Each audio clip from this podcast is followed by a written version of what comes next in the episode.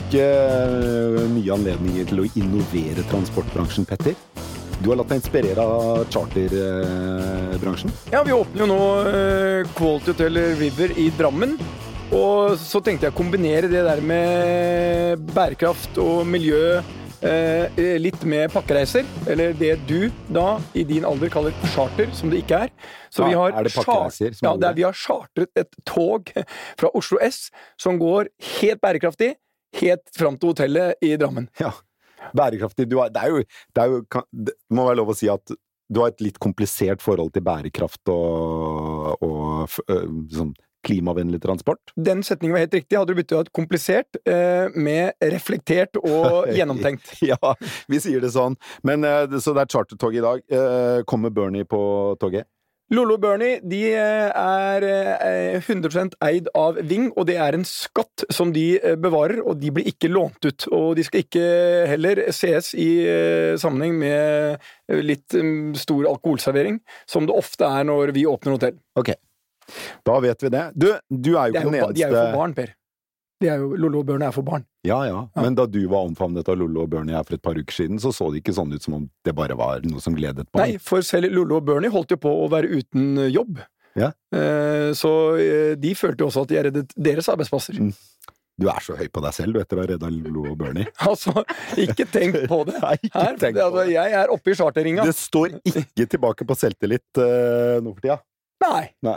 Du, eh, du er jo ikke den eneste her i studio som har et kan, Som har bra selvtillit. som har, Nei, det, jeg tror det er flere i rommet med selvtillit, men Ja, som har et litt komplisert forhold til klimaregnskap. Eh, Maria Moraes Hansen, eh, du er definitivt en av dem. Oljetoppen som eh, er opptatt av klima, velkommen. Takk skal du ha. Du slutter jo snart i jobben din, du. Ja. Jeg slutter eh, ved slutten av året. Fordi nå er du visekonsernsjef i det såkalte Altså, er det, er det et energiselskap? Det er gass og olje. Wintershall DEA, et tysk selskap. Ja, det er et oppstrøms olje- og gasselskap med ganske mye gasstransport i Europa. Oppstrøm, det betyr at dere får det opp av havbunnen, ikke sant? Ja, altså Det betyr at vi driver ikke med bensinstasjoner og raffineri og den type nedstrøm. ting. Det er nedstrøms. Ja. Ja. Nettopp. Jeg tok det, jeg visste ikke. Jeg tenkte bare motsatt av opp er ned. Ja. Opp fra vann og ned i tanken. Men og så, så nå Du jobber jo i Hamburg i noen uker til, og så flytter du hjem for godt. Og så flytter jeg i hvert fall eh, bort fra Hamburg, og jeg har jo et hjem i Oslo, så det er vel det som skal bli stasjonen nå, og det gleder jeg meg litt til. Blir Altså, deilig, du, er, du er på arbeidsavklaring, du, da. Eh, Kanskje etter jul så er jeg i arbeidsavklaring eller noe der omkring. Ja. Men eh, Skal du ta deg en lang ferie? Jeg har tenkt å ta meg en ferie, men vi snakket akkurat om det, at det er jo ikke så lett å liksom ta seg ferie hvis du ikke helt har planen klar, så det er spørsmål om det, det blir litt planlegging, tenker jeg. Du kommer til å sitte hjemme du, ved siden av telefonen din og bare vente på en hodejeger som ringer. Det er er jo det litt sånn sånn heldig, jeg er jo litt heldig med at det er en jul der, da, og så er jeg egentlig også betalt for å ikke jobbe en liten stund, så det kan godt være at er jeg kan gå litt bare sånn. Nei, men jeg kunne jo nok godt tenke meg liksom tre-seks måneder fri, og så får vi se. Så deilig. Ja. Ja. Fikk du bra pakke når du slutta? Nei, jeg gjorde egentlig ikke det, så det er eh, rett og slett Jeg har eh, litt sånn spesielt så har man en tysk management-kontrakt, for det er jo Tyske selskaper er jo organisert med to styrer. Eh, supervisory board og management board, og jeg satt jo i management boardet. Og, det, og de kontraktene inneholder tradisjonelt ikke oppsigelsesklausuler i hele tatt. Så man setter seg rett og slett ned og forhandler liksom hva som skal til. Og jeg var vel kanskje mest opptatt av å komme meg hjem, for å si det på måte. Ja. Okay, Jeg tenkte liksom at det var nok. men du ordna deg sånn at du kan ta deg fri i tre til seks måneder øh, med lønn? Ja, eller kall det lønn, eller kall det noe annet, men, eh, men eh, det er eh, jeg har, jeg har nok råd til å ta meg fri en liten stund. Ja, det er bra, da. Eh, en annen som også har et sånn, ikke komplisert forhold til klima, men som har tatt en klimareise, er jo deg, Tina Saltvedt. Du var jo hardcore oljeanalytiker og så fant ut at du skulle bli mer sånn der klimaentusiast. Det, er- det er liksom den tabloide versjonen sett fra utsiden. Ja, det gjorde jeg. Er den litt eh, brutal? Er det en, eh, er det en beskrivelse du er enig i? Ja, altså jeg bestemte meg jo egentlig, det er en god stund siden jeg begynte å se på den overgangen, da, fra det å, altså verden var helt avhengig av olje, til det begynte å komme veldig mye nye spennende selskaper innen grønn energi. Og så begynte jeg å se på hvordan dette skiftet gikk, og så begynte jeg å se på også de klimaproblemene som vi utfordres med i stadig økende grad. Så tenkte jeg at um, hva er det egentlig jeg kan om? Jeg kan om finans, jeg kan om energi, så tenkte jeg hvorfor ikke slå det sammen, og da begynne å jobbe med bærekraftig finans.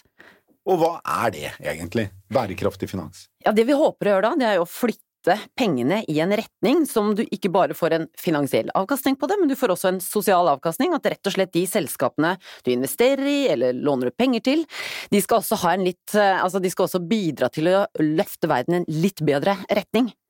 Så det vi håper på er jo rett og slett å legge om porteføljene, legge om utlånsporteføljene til eh, å nå Parisavtalen og bærekraftsmålene i 2030. Så det er en stor jobb, veldig spennende jobb, men det skjer jo veldig mye sånt skifte også. Så kommer det opp mange nye selskaper, mange nye næringer som skal opp og stå, og det er jo utrolig morsomt å få være med på det. I en sånn uh, finansiering, en sånn fremtidig litt grønnere finansiering, dere kunne ikke gitt lån til Ving, kunne dere? Jo, vi er jo vi klimakompenserer hele reisen fra A til Å. Ja, men altså, ja, er det nok, da? Så man kan bare man, selv om man flyr millioner av europeere til uh, Granca hvert år, så, så lenge man klimakompenserer, så kan man Er det grønt? Altså, Grønnere blir det ikke i reisebransjen. Ja, nei, er det Men fordi ja, Hva er grønt? Ja, altså hvis du skal ha et men Sånn som i dag, så kan du jo ikke fly et fly grønt. Det blir veldig, veldig vanskelig. Jeg tror ikke du kommer veldig langt, hvis jeg skal være helt ærlig. Men det som er, er jo at du skal prøve å flytte det fra der vi er i dag, til å få et fly som for eksempel kan gå på Biofuel. Ikke sant? Biofuel, elektrisitet, andre ting. Så vi ser jo allerede i går, eh, så leste jeg om et, eh, et, eh, at de skal prøve å få i gang kortdistanse flytrafikk mellom Stavang Stavanger og Bergen. Stavanger og Bergen, ikke sant? Om i 2025, tror jeg faktisk, i normal rute. Og det tenker jeg det er veldig spennende. Som går på batterier? Som går på batterier. Ja. Det kortdistanse går det på, for det er jo bare korte flyturer 40 minutter, tre kvarter, så klarer du det. Men eh, Tina, du, har jo, eh, du er jo god på tall. Begynte din interesse for tall eh, når du var sånn eh, bingovakt eh, for eh, eldre? Den begynte egentlig alltid likt matematikk, jeg. Ja. Jeg syns det har vært kjempegøy. Eh, matematikk og ballett. Kan du lese opp sånn Var på norsk eller engelsk? Eh, bingo, bingovakta. Nei, det var sånn, ikke sant, når du leser for eldre, så må du gjerne si det på den litt gammeldagse måten. 31, 3-1. Og det som var litt gøy med å være bingovakt, det var at eh, altså, mandag til torsdag så var dette veldig hyggelige mennesker. De hadde en god tone, snakka med hverandre, det var veldig koselig å komme på dette dagsenteret som de har jobba på i løpet av sommeren. Men når det kom til fredag og bingo, da så du at dette konkurranseinstinktet det slo ut i full blomst. Da var ikke den stemninga så innmari hyggelig lenger. Så fru Nilsen fikk eh, rullekaka si for andre eh, fredag på rad, da blei det dårlig stemning. Men vi, vi har én ting til felles. Ja, Altså det og jeg det ble litt inspirert av dere oppstrøm og nedstrøm. Du var jo eh, oppstrøm eh, jordbær, og jeg var nedstrøm. Tar du den, Per? Altså, nei, men, Ja. Tar du, tar du den? Nei, nå er det veldig Tar du den? Plukket du, eller planta Ja. du? Nei, hun plukka, og jeg solgte. Ja. Det er akkurat samme. Det er det samme. Ja, men det er det- veldig god. Det var flere ting her jeg ikke så komme. Både bingovakt og, og, og jordbær nedstrøm og oppstrøm Men- så jeg ikke komme. Men det, uh, det eh, Men jeg må nesten få lov til å fortelle, for jeg har jo i en liten periode vært eh, plattformsjef, og det er jo en tittel som høres ganske flott ut, men det er liksom, når du er plattformsjef, så gjør du to ting. Det ene er at du er beredskapslederen, liksom, dersom noe går feil, og så er du bingovert i helgen. Ja. Er jeg, ja, for det, når det er er underholdning offshore, ikke sant, så er bingo alltid, jeg har alltid tenkt at plattformsjef, da har du liksom fire striper, og det blinker uniform når du går der, Mm. og så er du bingovakt! På lørdager, og lese juleevangeliet hvis du er ute på julaften. Og, du gjør det òg, ja. Ja, så du det er har vært en sånn- 31, 3 Ja, de var ganske raske, altså, Og så det var vår Gud, han er så fast en borg, han er vår skjold og Gjerne på samme bingovakt. Men jeg leste juleevangeliet, jeg begynte å gråte. Jeg husker jeg var ute på julaften. Det var ganske Ja. rørende. Da savnet jeg barna mine litt, altså. Jeg gjorde det. Men du, eh, for, for å komme bort fra bingo og over på grønne investeringer eh, Du er jo eh, oljetopp. Eh, ansvarlig for å hente opp eh, olje fra bakken. Mm. Eh, som er blitt en eh, versting hos mange. Eh, Jeg er ikke blant dem, egentlig. Jeg, jeg mener vi skal være takknemlige for all den oljen vi klarer å hente opp av bakken. Men eh, hvordan eh, opplever du det å lede et selskap som er så uglesett av mange? Eh, Så det er jo noe som jeg bruker ganske mye tid på å tenke på, og, og grunnen til det er jo delvis eh, at selvfølgelig du har investorer og sant, du, du driver med noe meningsfullt, men kanskje vel så viktig så er det sånn at du har mange ansatte, og du må forklare de ansatte hvorfor vi driver med det vi driver med. Og så har man jo en, en lang eh, rekke med forskjellige typer oljeselskaper, det vi kaller oljeselskaper. Så du har de som er rene oppstrøms, eh, liksom som leter etter olje og gass. Og noen gjør, leter primært og produserer primært olje, og vi som Wintershall-Dea, vi eh, leter og produserer primært gass. Så over 70% av vår produksjon er gass, og det er gass til Europa. Og da kommer man jo fort inn i en veldig interessant diskusjon, eh, som Norge er veldig fremoverlent på.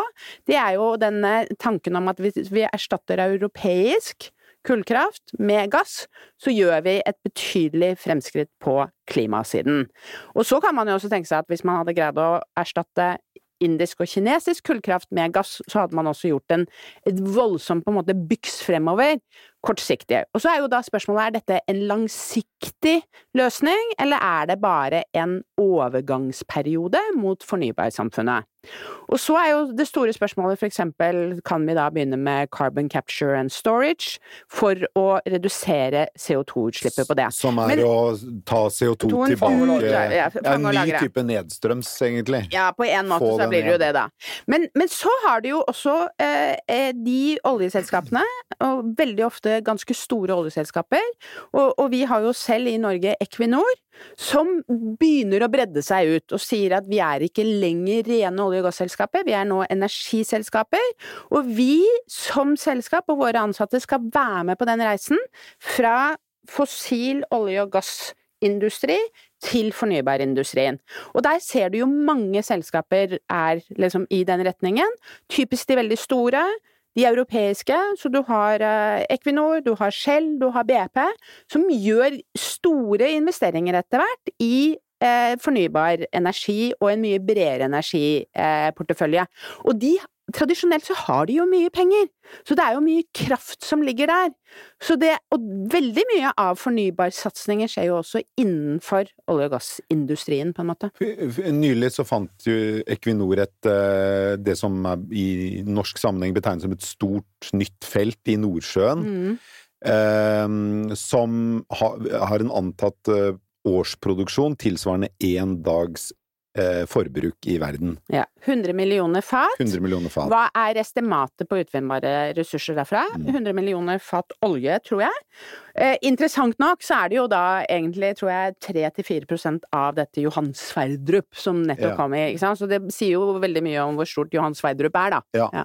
Men eh, det, det sier jo også noe om hvor stort Mm. forbruket av olje eller fossile brensler er i verden. Mm. Når et stort uh, oljefunn Mm. er slukt på én dag. Uh, er det realistisk på noe som helst tidspunkt å se for seg en verden som er fornybar og ikke bruker fossile brensler? Ikke, ikke totalt. Og, og så tror jeg det er veldig viktig å huske på at olje er jo ikke bare eh, noe som brukes til energi, men det brukes jo også i petrokjemi Ja. og i industri. Så, så jeg er nok en av de som tror at øh, liksom på lang sikt, altså hva snakker vi om nå da, 50-100 år, så finnes det fortsatt en oljeproduksjon, og øh, det finnes et produkt for det. Men den store debatten som jeg liksom er oppe i akkurat nå om dagen, det er jo har vi sett peak oil demand, ikke sant? Altså, er det nå er etterspørselen etter olje på vei vil faktisk gå Mm. ned. Det som det ikke er noe tvil om, og som er kjempespennende, er jo at vi har jo nå sett en eh, dekobling mellom økonomisk vekst i verden og oljeforbruk. Det var jo liksom Vi har jo hatt en lang periode hvor det er liksom nærmest én til én. Energi, vekst i energi og økonomisk velferd har gått hånd i hånd. Der ser man jo at det er i ferd med å åpne seg eh, liksom en deling. Delvis på grunn av energieffektivitet. Som slår veldig inn i Vesten, eller det vi kaller Vesten, altså Europa, Nord, øh, Nord-Amerika osv. Men, men det er jo kjempespennende. Sånn at vi er i en brytningstid, er det jo ikke noe tvil om. Tror du det, Tina, om 50 år? Hvordan eh, ser verdens forbruk av olje eh, og gass ut? Altså, jeg har vært veldig tydelig på at jeg tror oljeetterspørselen den når en topp uh, før 2030. Et sted mellom 2025 og 2030. Og det, det, begynte jeg å si for seks år siden, og det har jeg ikke endra synet på ennå. Jeg blir faktisk sterkere og sterkere i den troen, fordi at du ser at de områdene som bruker mye olje, det er spesielt transportsektoren, der skjer det innmari mye. Det er ikke bare i Norge at vi har en elektrisk transportsektor revolusjon. Det skjer Altså, Norge skal ha det, faktisk. Og de har jo bidratt til at dette kan gå enda fortere i resten av verden. Det er mange som sier at ok, disse subsidiepengene, de har vært eh, Altså, de har ikke vært brukt veldig godt. Vi har ikke klart å skape noen arbeidsplasser, og det er synd rundt det. Ennå, i hvert fall. Det kan vi klare på skipssiden, vi kan klare det kanskje på, på fly, og nå begynner det også å komme opp batterifabrikker. Eh, så det er veldig spennende. Men det det har bidratt til, det er jo nettopp at bilprodusentene, elbilprodusentene, har brukt Norge som et testland slik at de har kunnet forbedre batterikapasiteten. Disse bilene kan kjøre mye lenger enn det de gjorde tidligere. Og det som er interessant nå, det som virkelig kan gjøre endringen, er jo når de kan produsere små enheter og masseprodusere det til de store markedene, som Kina og India blant annet. Og der ser vi, de har jo kjempeproblemer med forurensning i byene. India nå som har måttet stenge skoler, ikke sant, for det er et stort luftproblem. Så jeg tenker det er her det kommer til å monne. Eh, så jeg tror jo det at vår avhengighet til olje, den kommer til å se helt annerledes ut eh, om 50 år. Men så tror jeg heller ikke at oljeproduksjonen er borte. Hvis det starter jo Johan Sverdrup starter i år, eller akkurat starta, den kommer nok til å produsere i 50 år. Men vår avhengighet, og Norges avhengighet til oljeproduksjon, den kommer til å endre seg mye. Men hvordan skal vi da løse de store klimautfordringene vi har, hvis du sier Johan Sverdrup skal levere i 50 år, Saudi har olje i 50 år eller 100 år, vi finner nye øh, områder hvor, det, hvor, du kan holde på i 50 år. Ehm, hvordan skal vi få løst da utfordringene? Altså Jeg tror ikke at etterspørselen etter norsk olje vil fortsette. Altså De prosjektene som er satt i gang, eh, der vil jo kostnaden komme såpass mye eh, ned at eh, de tror jeg ikke kommer til å stoppe, men jeg tror nye prosjekter vil ha en utfordring. Sånn at jeg tror ikke de kommer til å bli igangsatt, veldig mange av de nye som, som man finner nå. og det er rett og slett et, Men mener du at hvis man fant et Johan Sverdrup til nå på norsk sokkel, ville ikke det bli satt i produksjon?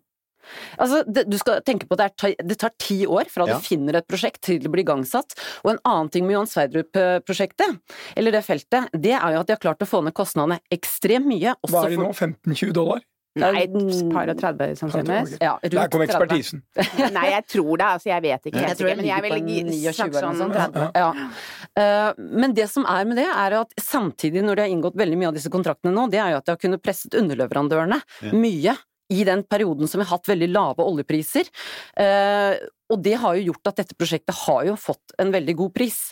Den muligheten tror jeg ikke kommer til å bli fremover, for når oljeservicemarkedet og leverandørmarkedet nå begynner å bli mer balansert, så vil også kostnaden begynne å gå oppover igjen. Så den tiden, Og så skal de også tenke på at alternativene, kostnadene på sol, vind, batteriteknologi, har kommet så langt ned at de trenger ikke subsidier veldig mange steder i verden lenger til å konkurrere. Sol er jo nå konkurransedyktig i hvert fall med kull, er billigere enn kull nå. Ikke, ikke sant? Ja. Og jeg tror også at det satses så mye på batteriteknologi at eh, det der med å ikke kunne lagre det i fremtiden, det tror jeg, det tror jeg ikke det kommer til å være sånn veldig lenge. Er du bekymret for, nå satses det mye på hele den fornybare siden og alle mm. innenfor grønt. Eh, spet, eh, ikke Spetter, men Spetalen, Øystein Sveitspedalen, han, eh, han, uttalte jo at han mente det var bobler på gang innenfor liksom, grønne investeringer. Deler du det synspunktet? Han var jo veldig skeptisk på en eller annen debatt her. Ja, det var vel med Finansavisa eller et eller annet sånt, tror jeg. Um, ja, altså... han, I kjent stil så slaktet jo han en del av disse tingene. jo, altså, men innen jeg, jeg, tror det er litt sånn som når vi så IT-veksten, ikke sant. IT-bobla kommer. For dette er en ny industri, det kommer veldig mye på en gang. Og så er det noen av disse selskapene som kommer til å overleve og vokse og bli store. Så det er ikke umulig at du kommer til å se en liten boble innen dette markedet ja, IT-bobla var vel i 2002-2003 eller noe? Ikke sant. Og så kan det komme en liten boble her også. Dot com Dot gikk, og Dot, dette var eh, dot. dot green. Ja. Men jeg tror det kommer. ikke sant? Altså, du ser jo det, og annenhåndsmarkedet for en del av disse prosjektene nå, uh, der er jo verdien veldig høy, og det er masse kjøpere. Forklar dette annenhåndsmarkedet Ja, jeg skal si at du bygger ut en, en vindpark, da. Ja. En offshore vindpark, og så kan du selge liksom 50% av den etterpå. Og det gjorde jo Equinor nå, ikke sant? Ja. Til en fantastisk god pris, sånn at da har du jo sikret en del av investeringen allerede, fordi at du får inn en co-investor, ikke sant? Og der ser du, det markedet er veldig hot nå. Så én ting er liksom utvikle det organisk, men liksom investeringsmarkedet ligger bak. Det er masse investorer som ser etter. Så det er masse penger på vei inn, inn i disse det, din... Ja, Liksom grønn infrastruktur, masse penger på vei inn. Så er det jo veldig interessant å se her for et par uker siden, ikke sant, så går Ørsted ut. Verdens største, egentlig, offshorevind, og sier bare sorry, men våre vindparker kommer faktisk ikke til å levere i henhold til den effektiviteten som du tror. Fordi det viser seg at det jeg på en veldig enkel måte ville kalt interferens, da, mellom møllene Dette må du forklare. Altså, Men du- tenk deg at du bygger ut en vindpark, ikke sant? tenk deg på boken, omgitt av idioter. har, ene Eh, vindmøllen tar vind fra den andre. ja. Og så har man jo sett på to effekter. Så det er ikke nok vind. De genererer ikke så De er ikke så effektive basert på vinden som det man trodde. Og da, og da falt jo Ørsteds aksjekurs med 7-8% da de annonserte dette. Og så er det noen som sier at det er jo nok sikkert ikke sånn at de plutselig så det, men det kan godt være at de prøvde å kjøle ned markedet bitte lite grann, for nå ser de det er så mange konkurrenter som kommer. Det er to effekter. Den ene effekten er sånn at du kan tenke deg at når du setter opp en vindpark, så er jo de som står i ytterkant og mottar de første vinden, på en måte de får full effekt, og så mister du litt effekten bak, fordi at der liksom, da blir jo vinden borte. Men så viser det seg, og det var kanskje den effekten som var litt overraskende, det er at når vind, den vinden stopper på en måte litt opp, når den møter en kjempepark, så blir det sånn voff, liksom. Og det er en sånn effekt som man virkelig ikke hadde sett. Og det syns jeg er superinteressant. Fordi at som en tekniker, matematiker, så er det sånn jøss, liksom. Altså, du, Fordi her har vi forskjellige egentlig- interesser. Jeg, Ja, ja. jeg, Men du kan jeg, prøver, sant? jeg prøver des- des desperat å bli veldig interessert i dette. Denne, Ja, men det er kjempeinteressant. Jeg skal vise deg et bilde etterpå. ja. Er Nei, jeg kjenner på meg sånn, Jeg får gåsehud her jeg nå. Fra verdensrommet, på Ja, en måte. ja. Og så bare voff, så Ja, bestemmer er de seg for jeg ser en park, nå går jeg et annet sted. Ja. Og det hadde vi liksom ikke greid å simulere. Kjører forbi, sånn som jeg var i Malmö, nå var det mye innimellom. du kjører forbi, så begynner du å tenke på det. Ja, det er noen veldig kule bilder, ikke sant. For du, det fins et sånn kjempeflott bilde, som jeg tror Vattenfall har, som viser på en måte Når det er tåke over vindparken, så kan du se effekten. Da ser du de der Akkurat som fly, Ja, ja, flyene ikke sant, som legger bak. Og så voff, liksom. Så det er kjempegøy. Det er fortsatt teknologiutvikling. Eh, Jeg merka For de som er begeistret for teknologi. Nei, jeg, jeg, jeg merka det. Nei, vet du hva, Petter? ja. Jeg syns dette er utrolig fascinerende. Grunnen til at jeg ble litt taus, det var at jeg lette etter en eller annen spydig formulering og, og, i din retning. Så kom jeg ikke på noe. Men ja, dette er jo supergøy. Men det, og det blir jo litt som jeg, Du kan se etter det når du skal fly i kveld! Kanskje Ja, det er liksom Du, Petter flyr ikke, han tar bare tog. Ja, det er nytt. Bare, Til bare, bare tog. Og jeg vil bare minne på at eh, verdens mest øh, miljøvennlige cruiseselskap heter Hurtigruta. Ja. De er akkurat nå i Antarktis med en båt som Eh, går på takk. hybrid. Takk, Petter. Ja, men det, Takk. var, det er bare en- Nei, for det, for det, og jeg, for jeg skal si en ting. Vet du hva som er viktig, som vi har til felles her? Eiere er faktisk viktig. Ja. Det er, det, er det, det er det vi snakker om nå. Eiere med ambisjon, og derfor, når man fikk den politiske diskusjonen om Statoil, som gikk fra Statoil til Equinor, og ambisjonen, de tok jo helt feil. Mm. Han gjorde det ene som er riktig. Så jeg tror eiere blir viktigere fremover, og hvordan de satser.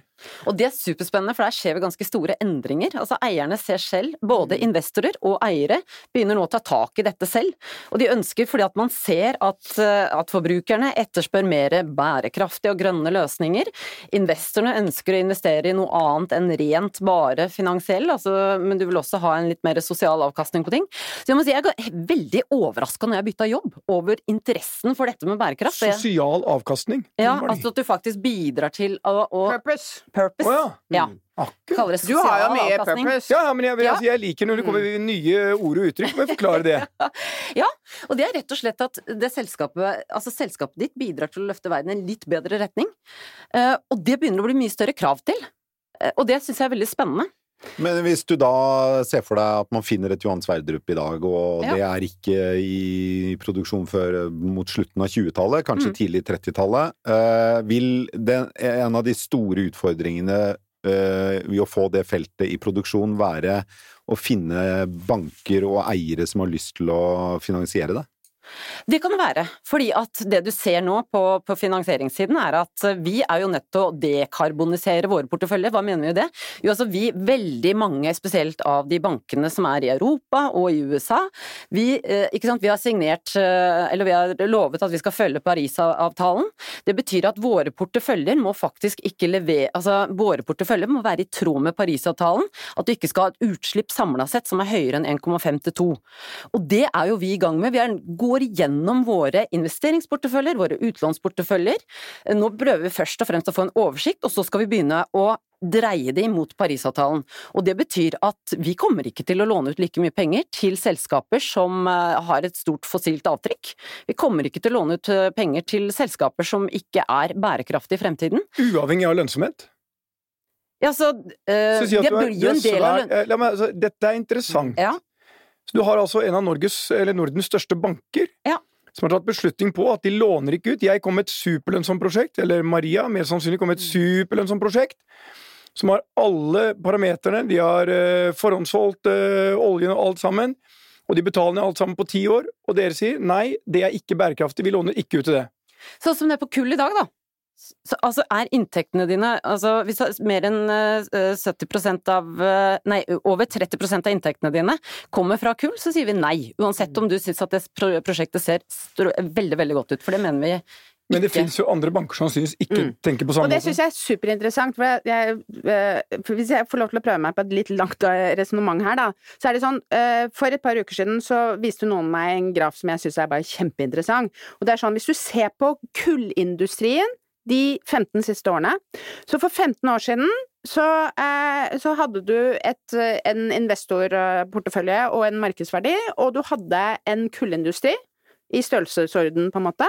Og så, ta, så du, sammenligner du det med i dag, så er kullindustrien akkurat like stor og markedsandelen til de store kullselskapene er bare 20% av det de var for 15 år siden. Så det du sier er at prisen går ned, Invest noen investorer går et annet sted, men de investorene som kommer inn, de kan egentlig ha superlønnsom avkastning. Og det er jo litt det du ser i tobakk, ikke sant? Ja, og, og, det er jo øh, Da jeg øh, var på et øh, seminar her for et par uker siden, så sa jeg det, at hva er det å være en ansvarlig investor i våre dager? Er det å selge seg ut av olje- og gasselskapene, eller er det å stå der som investor og forlange at måten de jobber på, endrer seg? Fordi i kullindustrien så har du ikke sett en ansvarlig investor, på en måte. De har bare løpt et annet sted og overlatt industrien til noen som tjener masse penger på det, og som, som og som egentlig da ja, Nå sier jo du det på en måte som jeg ikke snakker om. Man kan vel si at uh, olje er for viktig til at man vil se den samme uh, uh, Se den samme utviklingen som i kull og tobakk? Ja og nei, men du kommer til å si noe av det, og så ser du enorme eh, globale forskjeller, ikke sant? Altså, det som vi lurer på som industri, er jo om vi kommer til å jobbe i et Europa som blir veldig strengt, og så er konkurransen et annet sted. Mm. Se hvor industrien går. Mm. Altså når jeg neste uke skal reise til Egypt og diskutere olje- og gassindustri, så møter du en helt annen type dialog. Det er ikke noe tvil om det. Mindre så, opptatt av miljø? I hvert fall mye mer opptatt fortsatt av verdiskapningselementet i det. Og så sier jeg, så jeg er jo en av de som sier at det er helt legitimt at vi i Norge har en diskusjon om vi nærmest av moralske hensyn bør stenge ned vår egen olje- og gassproduksjon. Altså, vi kan mene hva vi vil om det, men jeg sier det er ikke, liksom, det er ikke dumt å ha den diskusjonen, for all del, det må vi ha en diskusjon om. Men det er klart at det er noen samfunn som aldri ville hatt den diskusjonen, fordi at det handler fortsatt primært om økonomisk eh, vekst og sant, få folk ut av fattigdom. Og de fleste er vel enige om at hvis, dersom Norge hadde gjort det, så hadde den øh, manglende produksjonen blitt tatt over andre ganske lett. Så det er bare en moralsk symboleffekt, ja. ikke sant? Egentlig, hvis vi skal løse et globalt klimaproblem. Og det er det vi skal. Og det skal vi tross alt gjøre. Men, men altså, jeg, det er ikke så lett å få opp produksjonen. Altså, hvis Norge kuttet sin produksjon med rundt to millioner fat per dag, så Ja, ville hvor det er to prosent av verdens, verdens, olje. ja, men vi har ikke en veldig stor buffer. Det er ikke veldig mange som kan ta opp den produksjonen så mye på veldig kort sikt. Nei. Det er stort sett bare Saudi-Arabia, og den oljen er ikke Den Og Saudi-Arabia har ikke Norge. 10 av verdens eh, Ja, rundt det. Men den eh, oljen erstatter ikke norsk olje sånn fra én til én, fordi det er en annen type olje. Det er ulike oljekvaliteter som kan Dette må du du til forklare. Ja, fordi at noe Altså, Norge produserer en olje for eksempel med litt mindre svovelinnhold, den er litt annerledes, den kaller det en lettere type olje. Reinere olje? Grønnere olje? Grønn olje vil jeg aldri bruke. Nei, jeg. Men Norges olje har en høy kvalitet i forhold til Ja. raffinerikapasitet, det er det ikke noe Ja. tvil om. Lite svovel, lite Ikke Ja. sant? For- Ja, hvis du har et raffineri da, som lager de produktene som vi faktisk bruker, som er bensin, flybensin, diesel, alle de type produktene, så har vi et raffineri som eh, gjør om, eller raffinerer råoljen til disse produktene. Men disse raffineriene, det er innstilt på hvilken type olje du har. Det er jo litt som å kjøpe, eh, ikke sant, eh, jordbær da. Det finnes jo ulike typer jordbær som kan brukes til ulike ting. Det samme er det med olje. Så hvis ditt raffineri bare kan ta imot olje fra her i Norge, så kan du ikke automatisk du kan liksom ikke switche Nei. til Saudi-olje? og det var problemet under den arabiske våren, fordi at da Libya de, de eh, forsvant jo nesten over natta, i hvert fall på veldig veldig kort sikt. Så skrudde Saudi-Arabia opp sin produksjon, men det var en tung olje. Libya produserte en lettere olje, og så kunne man ikke bruke den allikevel. Så den derre at eh, noen kommer rett inn og tar over den produksjonen, det skjer ikke så fort. Første gang vil du ha en veldig oppsving i oljeprisen, så vil du kanskje få litt mer skiferolje, det er jo den første som kan komme. Men tenk, Norge bruker jo faktisk ti år da, fra du altså begynner å lete etter eh, oljen til den er ute i markedet. Ti år er veldig lang tid, så den oljen blir ikke nødvendigvis eh, erstatta over natta. Ok, men eh, dere, vi må, vi må snart runde her, men det vi vel det, Det vi vel trygt kan si, er at om vi så var i dette studio om 50 år, så ville fremdeles olje være en helt sentral del av eh, verdensøkonomien. Jeg tror at olje kommer til å få en helt annen betydning, fordi at det som er viktig, jeg må tenke på det også, jo mindre avhengig jeg er av olje, jo mindre politisert blir den også som et mm. altså, politisk våpen. Det er jo ikke tvil om at olje er fremdeles den viktigste energikilden vi har i verden, men jo mindre vi blir avhengig av den, jo mindre betydning får den også politisk, og mindre betydning, får den for verdenssamfunnet. Mm. Jeg tror, for å være helt ærlig, at olje kommer til å bli konkurrert ut, og det går raskere enn det vi tror, på grunn av at prisene og teknologien på andre energiformer og andre energiløsninger vil komme. Sånn at jeg tror eh, dessverre ikke at vi kommer til å Som- ha bruk for et nytt Johan Sverdrup fra om- Så Norge. hvis vi Ja, sto her om 50 år, så ville så jeg vært litt flau, da. Ja. Fordi eh, definitivt. jeg hadde altfor tro på olje. okay. Nei, men det som alltid er veldig interessant når man diskuterer eh, liksom, rollen til de forskjellige energikildene i, i verdensøkonomien, da, det er jo pris. Ja. Ikke sant? Så, jeg- så hvis du hvis man ønsker å være et langsiktig olje- og gasselskap, ikke sant, og Wintershall DE er jo primært et gasselskap, du skal i hvert fall være forberedt på at prisene vil gå ned. Ja. Og hvis prisen går ned, for du skal ut der og konkurrere med vind, med ikke sant? For det, vi går jo mot et elektrifisert samfunn, så man skal jo egentlig konkurrere da med vind, sol osv. Så, videre. så du må være forberedt på at på lang sikt så vil sannsynligvis prisen være lav, så du må være supereffektiv og har lave kostnader. Og da er det jo spørsmålet om all den oljen som vi har i Norge, eh, kan møte et sånn Så det optimale eh, er egentlig at du sier først må vi konkurrere ut kull, som er det mest griste, så er det olje, og så er det gass, og så blir det fornybart. Men olje brukes ikke til primær på en måte elektrifisering i dag i verden. Altså jeg tror nå det er et par prosent av olje som faktisk brukes til å generere kraft og energi. Det brukes i transport, og derfor så er det så utrolig spennende å se hva som skjer Og så er det vel også sånn, bare for å runde av, forsøke å runde av, så er det vel også sånn at eh, olje brukes ikke primært i transport, men primært i en helt ufattelig mengde produkter eh, og komponenter som vi, som vi omgir oss med til enhver tid. Det er jo den viktigste Nei, altså den viktigste er transport. Altså, den viktigste enkeltkilden, ja, men hvis du ser på liksom transport, jo, men er transport jo utgjør 55-60% av alt oljeforbruk i verden. 55-60 Ja. Ja. Kan- Så det er- kan- Så hvis vi elektrifiserer transporten, så er det transporten så vil oljeetterspørselen falle med nesten 60 Ok, nei, men da gjør vi det. Og så det, er, det er ikke deilig å bli korrigert kraftig på slutten. Jo, det er altså, jeg likte, det der jeg likte med det, var litt den der Hun, hun pisket deg litt, eh, og du, du kjempet desperat for å komme tilbake. Men noen ganger så har man bare gått på trynet. Noen ganger så har man gått på trynet, og da gjelder det å reise seg opp igjen og komme tilbake i dette studioet neste uke, for da skal vi snakke om noe helt annet, Petter. Jeg har ikke peiling på hva, men det finner vi ut av. Det håper jeg jo. God, to uh, god Og bare én liten korreksjon. Når du sa 'når vi er her om 50 år', det er vel bare jeg som egentlig er her om 50 år. Du, ja. Du har jo begynt med den pensjonssparinga di, du snakka om så mange ganger at uh, du har jo planer for å pensjonere dem ikke lenge. Jeg, har, jeg tror aldri vi har snakka om pensjon, og det er vel uh, jeg, jeg ville satt mine penger på meg om 50 år. Det uh, Ja ja, vi Men- får se. Men du, Time will show. Hils Lollo og Bernie, Petter. Uh, vi snakkes igjen neste uke. Tusen takk skal dere ha, Tina Saltvedt og Maria Moreus Hansen, for at dere kom i studio. Så snakkes vi. Takk for Det meg. gjør vi. Ha det. Ha det. 20 nye sparetips hos Kiwi. Mitt aller beste sparetips er First Price familiepizza. Garantert billigst i Kiwi. Nå får du 1 kilo First Price familiepizza til 59,90, 900 gram First Price stekte kjøttboller til 59,90 og mange andre First Price-nyheter hos Kiwi.